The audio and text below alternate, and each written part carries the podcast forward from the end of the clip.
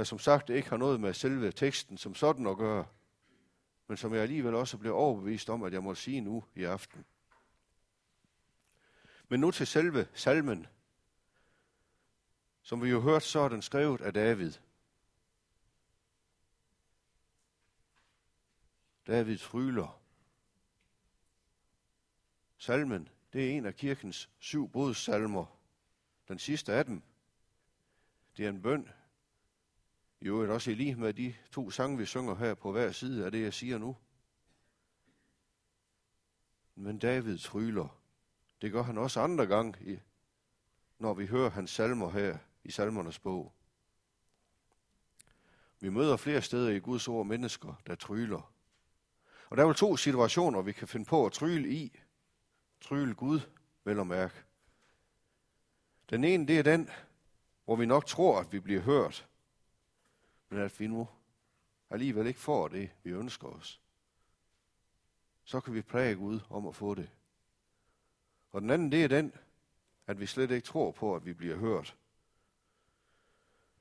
Så prøver vi på at bestræbe os på, at han hører os alligevel. Jo, i disse situationer kan vi finde på at tryle. Der står sådan om Gud i Esajas 59.1. Herrens arm er ikke for kort til at frelse. Hans ører ikke for døve til at høre. Gud hører os altid. Det kan vi være sikre på. Det er ikke altid, han giver os lige det, vi tryller ham om. Jeg tror, vi må sige det på den måde, at det er noget, han også indimellem forskåner os for. Det, han vil give os, det er det, der er til bedste for os. Og det indebærer altså ikke altid et svar her og nu, når vi nu synes, han skulle svare.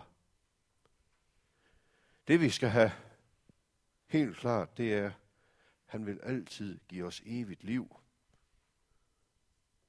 Og det, som han giver os undervejs her på vejen mod det evige liv, jamen det er noget, der helt igennem skal medvirke til, at vi når helt frem til målet.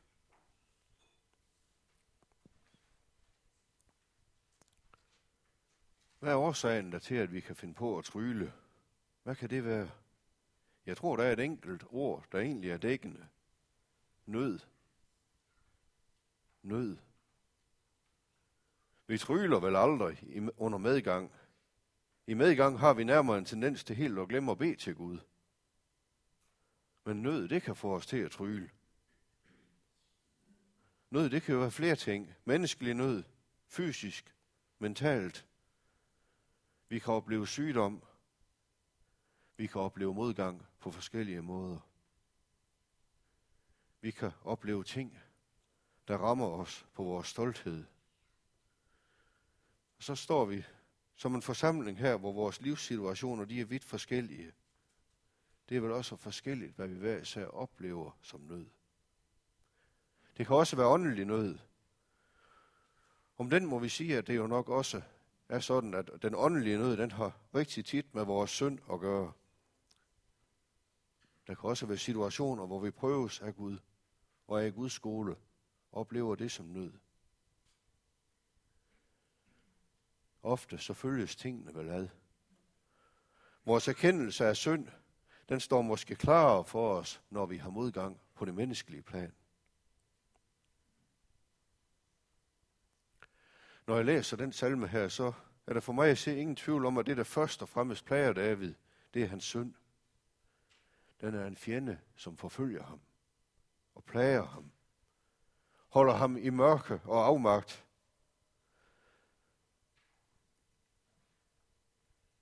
Samtidig må vi tilføje, at netop i den situation, der er det Guds vilje, at David tryller, som han gør. For når vi du og jeg har syndet, jamen så er det også Guds vilje, at vi skal henvende os til ham med det. Også selvom vi synes, vi ikke kan. Gud vil ikke, at vi skal forsøge at gemme os for ham.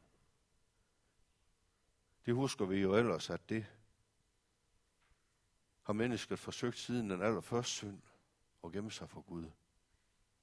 Men det Gud vil, det er og have det frem i lyset.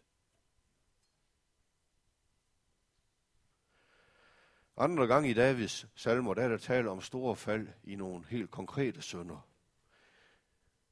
Vi ved jo, at David han nogle gange faldt i helt åbenlys synd. Synd, som var synlig for enhver.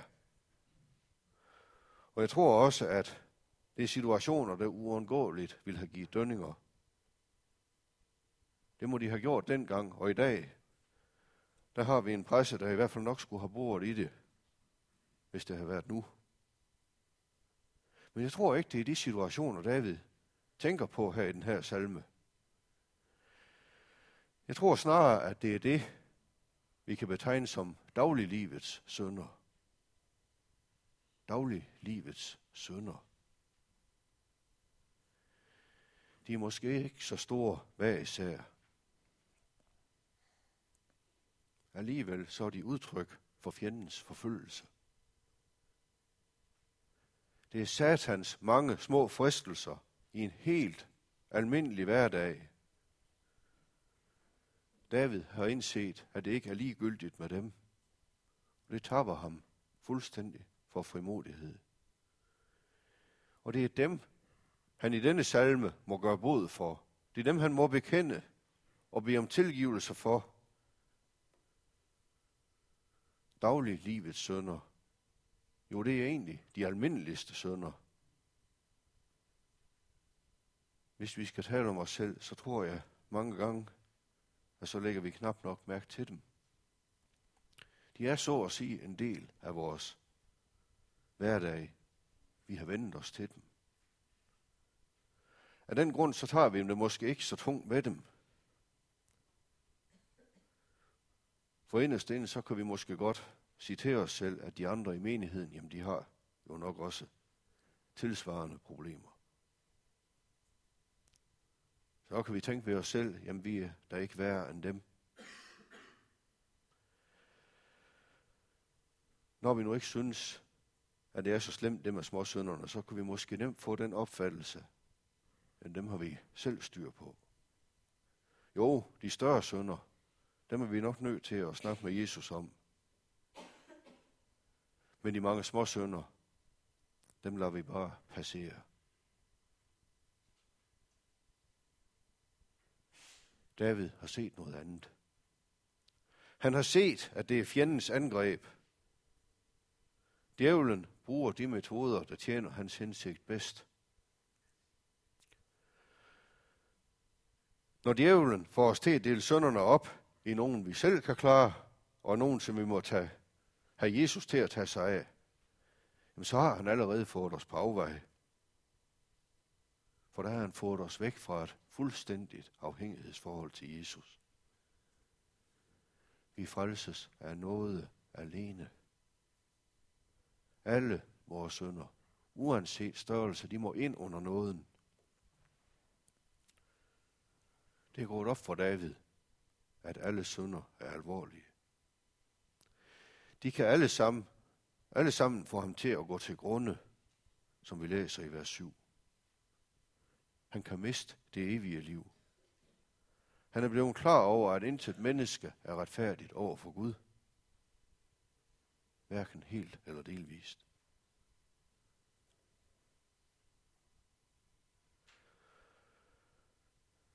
Må Gud der i sin nåde føre os alle sammen dertil. Der, hvor vi som David rækker hænderne frem mod Gud. Der, hvor vores sjæle tørster efter Gud som udpint jord. Der hvor vi har set, at uden Guds indgreb, der må vi gå til grunde. Der må vi dø for evigt. Må vi komme der til, at vi har én bøn frem for alle andre bønder, og det er bønnen til Gud om noget. Om noget for Jesu blods skyld. For det er der, i den udpinte, den udtørrede jord. Det er der, Jesus kan vokse frem i dit og mit liv. Men Gud, han må fjerne al grobund hos os. Det må han gøre for, at han kan komme til at skabe livet. Der, hvor der ikke engang findes håb om liv. Det er det, han gør, når han skaber troen i os hver især. Det gør han der, hvor der ikke er håb mere. Bønden om noget. Det er den vigtigste bøn i en kristens liv. Og det er nåden, der styrker vores hjerter, står der i Hebræerbrevet 13.9. Så må David bede sådan, forkynd mig din godhed hver morgen, for jeg stoler på dig, i vers 8. Forkynd mig din godhed hver morgen, for jeg stoler på dig. Han stoler på Gud, på hans godhed, på hans nåde. Og det er det, han mest af alt behøver.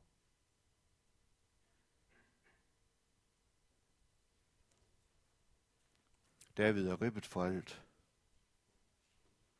Han havde vel på et tidspunkt troet, at han havde styr på sit liv. Nu har han set, at det har han ikke. Hans vej igennem livet, den har måske lignet en motorvej. Han var vel kong. Men nu ligner det en sti. Igen med et krat i toget vejr.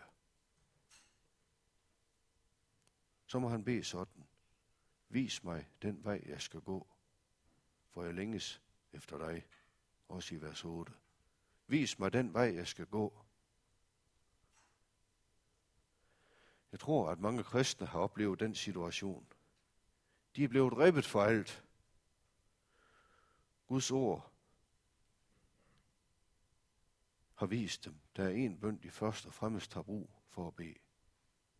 Bønden om noget. Bønden om Guds godhed, som David beder her.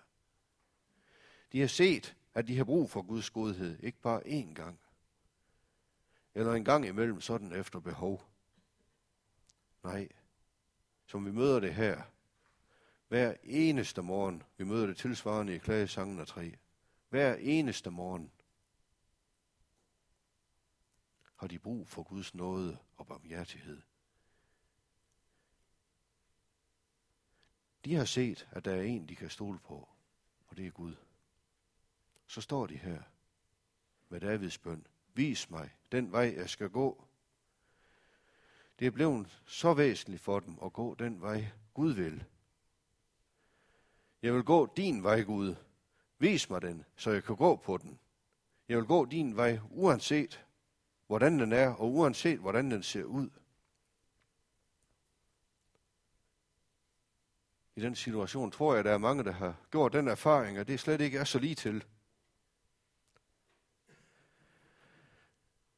For det ser langt fra ud til, at Gud han har hastværk med at fortælle, hvor vi skal hen. Jeg tror, mange af os har stået der. Så har vi spekuleret. Vi har udtænkt forskellige scenarier. Vi har sagt hvis og hvis og hvis og hvis. Og så vidste vi godt, at ingen af alle vores visser, de var realistiske. Vi har godt vidst, at det vil være umuligt for os at tænke os frem til Guds vilje. I ordsprogenes bog, kapitel 16, der står der et ord om det i vers 9, som vi skal have med nu. Det er side 576. Ordsprogene 16.9. Menneskets hjerte udtænker dets vej, men Herren styrer dets skridt. Menneskets hjerter udtænker dets vej, men Herren styrer dets skridt. Vi udtænker alt imens Herren styrer. Det er en underlig arbejdsfordeling. Vi spekulerer. Gud gør noget ved det. Og så skal vi lægge mærke til, at når vi udtænker, så handler det om veje. Men når Gud styrer, så gør han det i skridt. Og for at sige det ærligt, så kan det godt være irriterende.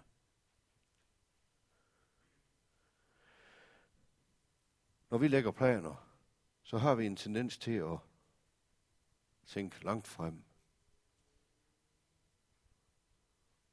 Og tænk dem sådan, at vi får det hele indrettet til vores egen fordel. Det kan også godt lade sig gøre at få det hele på plads i vores hoveder. Og et stykke af vejen, så kan det også godt se ud til, at det hele det stemmer. Og så kan vi nærme os et sted, som vi ser som et nøglepunkt. Og så viser det sig, at Gud, han styrer skridtene udenom. Så kan han, for at bruge et eksempel, gøre vores millionærdrømme til ingenting.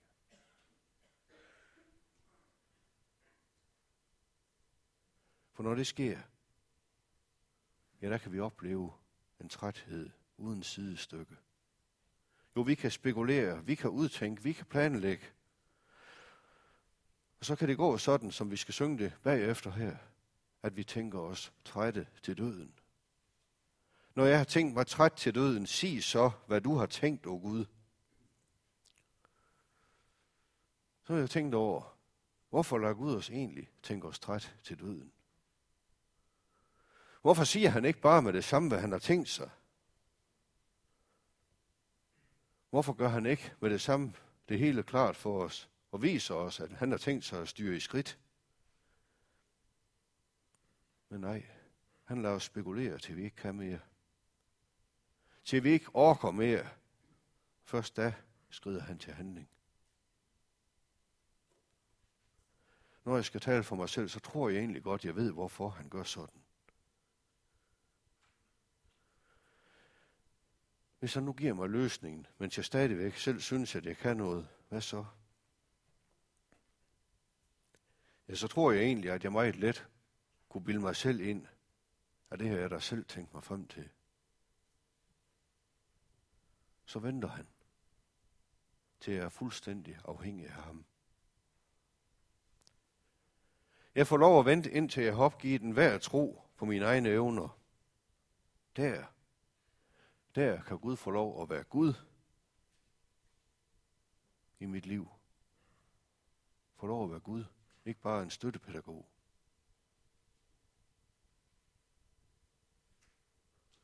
Det er der, når vi er ført derhen, at vi længes efter Gud. Og længsel efter Gud, det kommer ikke af sig selv. Vores længsel er i bund og grund at være fri for Gud, fri for hans indblanding. Derfor må Gud føre os derhen. Derhen, hvor vi længes efter ham. Derhen, hvor vi har brug for at skjule os hos ham. Vi må skjule os i hans nåde for Jesus skyld. Som vi er, der har vi kun fortjent Guds vrede og dom. Men vi får lov at skjule os hos Gud selv. Det er noget af et paradoks. At skjule sig for Guds vrede hos Gud selv – er det ikke umuligt. Hvis et andet menneske bliver vred på os og har lovet os klø, så skal vi nok undgå at komme i nærheden af det menneske. Det var det sidste, vi ville tænke på at søge hen til det menneske og tro, vi kunne skjule os for de her klø. Med Gud er det anderledes. Det er hos Gud selv, vi får lov at skjule os for hans vrede. Og det får vi lov til af en grund, fordi Jesus har betalt. Betalt for vores sønder. Og der findes faktisk ikke andre skjul for Guds vrede end der hos Gud Gud selv. Der findes ikke andre skjul end det skjul, Gud selv har indrettet til os. Og der, der er der trygt. Derfor kan vi også bede som David, lær mig at gøre din vilje, for du er min Gud. Den bøn havde vi aldrig selv fundet på. Den bedes kun af dem, som Gud har fået lov at række sin nåde for Jesus skyld. Og så er vi kun trygge, når Gud leder os. Selv i slettelandet, som vi læste om, din gode ånd skal lede mig i slettelandet i vers 10. Selv i Slettelandet har vi brug for, at Gud leder os ved sin hånd. Slettelandet, det er da ellers helt overskueligt. Her kan vi se alle farer. Vi er frit udsendt til alle sider. Vi kan forudse truslerne. Men nej, Selv her har vi brug for, at Gud styrer vores skridt. For vi må også sige om, om, sige om os selv, at vi drages af det, vi ser. Altså det, vores syndige øjne ser. Og så taber vi det egentlige mål af syne. Fordi der er så meget andet, der ser så godt ud. Derfor må Guds ånd lede os, så vi når helt i mål. Som vi også skal synge om det nu her bagefter. Vores egne håb, de må dø. Vort håb, det må og skal rettes ind på himlen. Davids gudsforhold, det ser vi vel allerklarest i vers 11. Hold mig i live for dit navns skyld, Herre, og før mig ud af nøden i din retfærdighed. Hold mig i live for dit navns skyld, ikke mit navn. Før mig ud af nøden i din retfærdighed, ikke i min retfærdighed. Det er ikke Davids, det handler om, det er Guds. Det er det også for os. De navn, vi har, hver især her på jorden, de giver os ingen rettigheder over for Gud. Her i den her verden, der kan det sagtens have noget at sige, hvad vi hedder.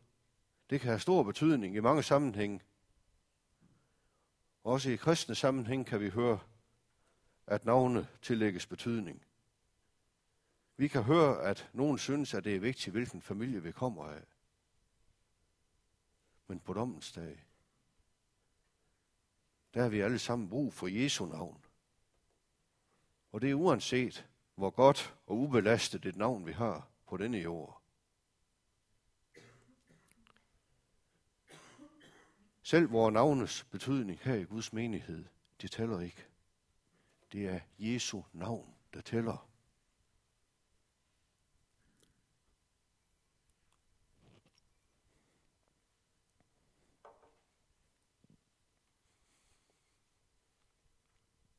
Udryd mine fjender i din godhed, og til intet gør alle mine modstandere, for jeg er din tjener.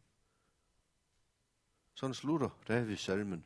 Hvad er det, David beder om her? Jeg tror, vi må sige, at det er helliggørelse. Sønderne er hans fjender. De kommer fra ham, der er ophav til al modstand mod Gud, djævlen selv.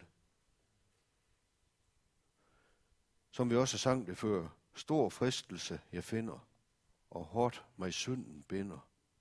Gud, hjælp derfra mig ud. Sønderne, det er også vores fjender. Dine og mine fjender. Djævlen bruger dem, når han vil forsøge at få os væk fra Jesus. Som David må vi trylle Gud, når vi er under angreb. Og det er vi hele tiden. Men det er ikke altid tydeligt for os.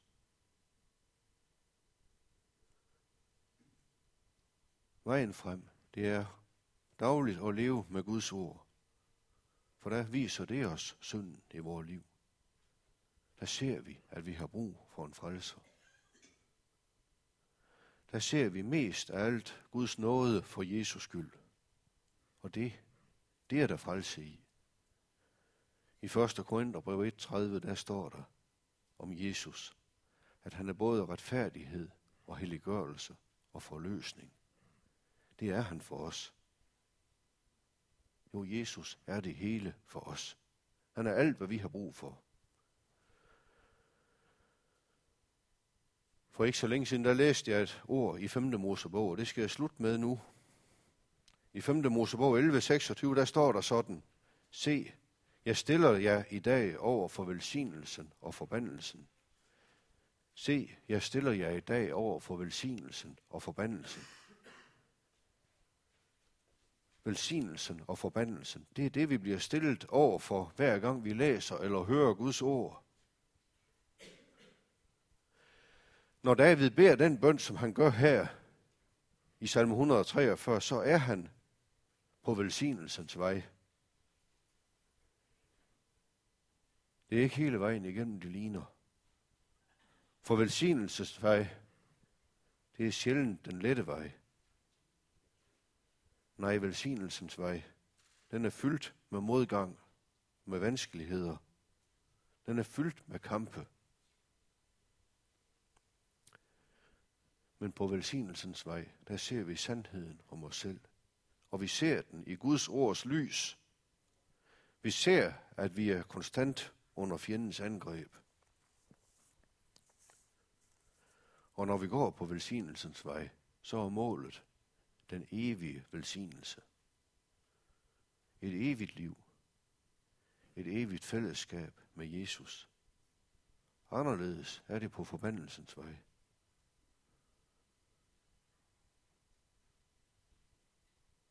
Det kan godt være svært at gennemskue det, om vi er på forbandelsens vej. Og igen, der er nøglen Guds ord. Men det er jo sådan på forbandelsens vej, men der går det til syneladende rimelig let. Og det lader vi os let narre af. Og det er bestemt ikke, fordi dem, der går på den, de ingen sønder har, for de har de. Men synden opleves bare ikke som et problem for dem. Djævlen gør, hvad han kan for at forhindre, at synden bliver til problemer. Målet for forbandelsens vej, det vil djævlen ikke ud med. Han forsøger på alle måder at holde det skjult for os.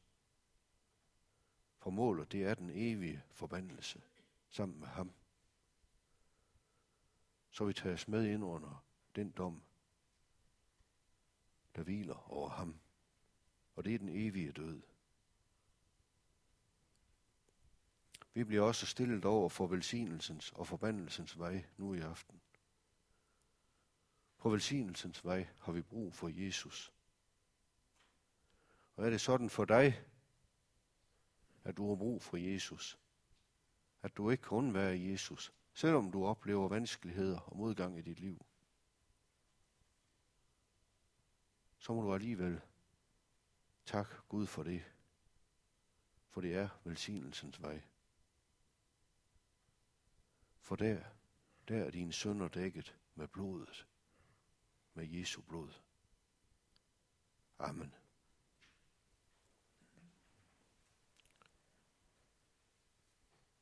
Kære far i himlen, led os hver især på velsignelsens vej.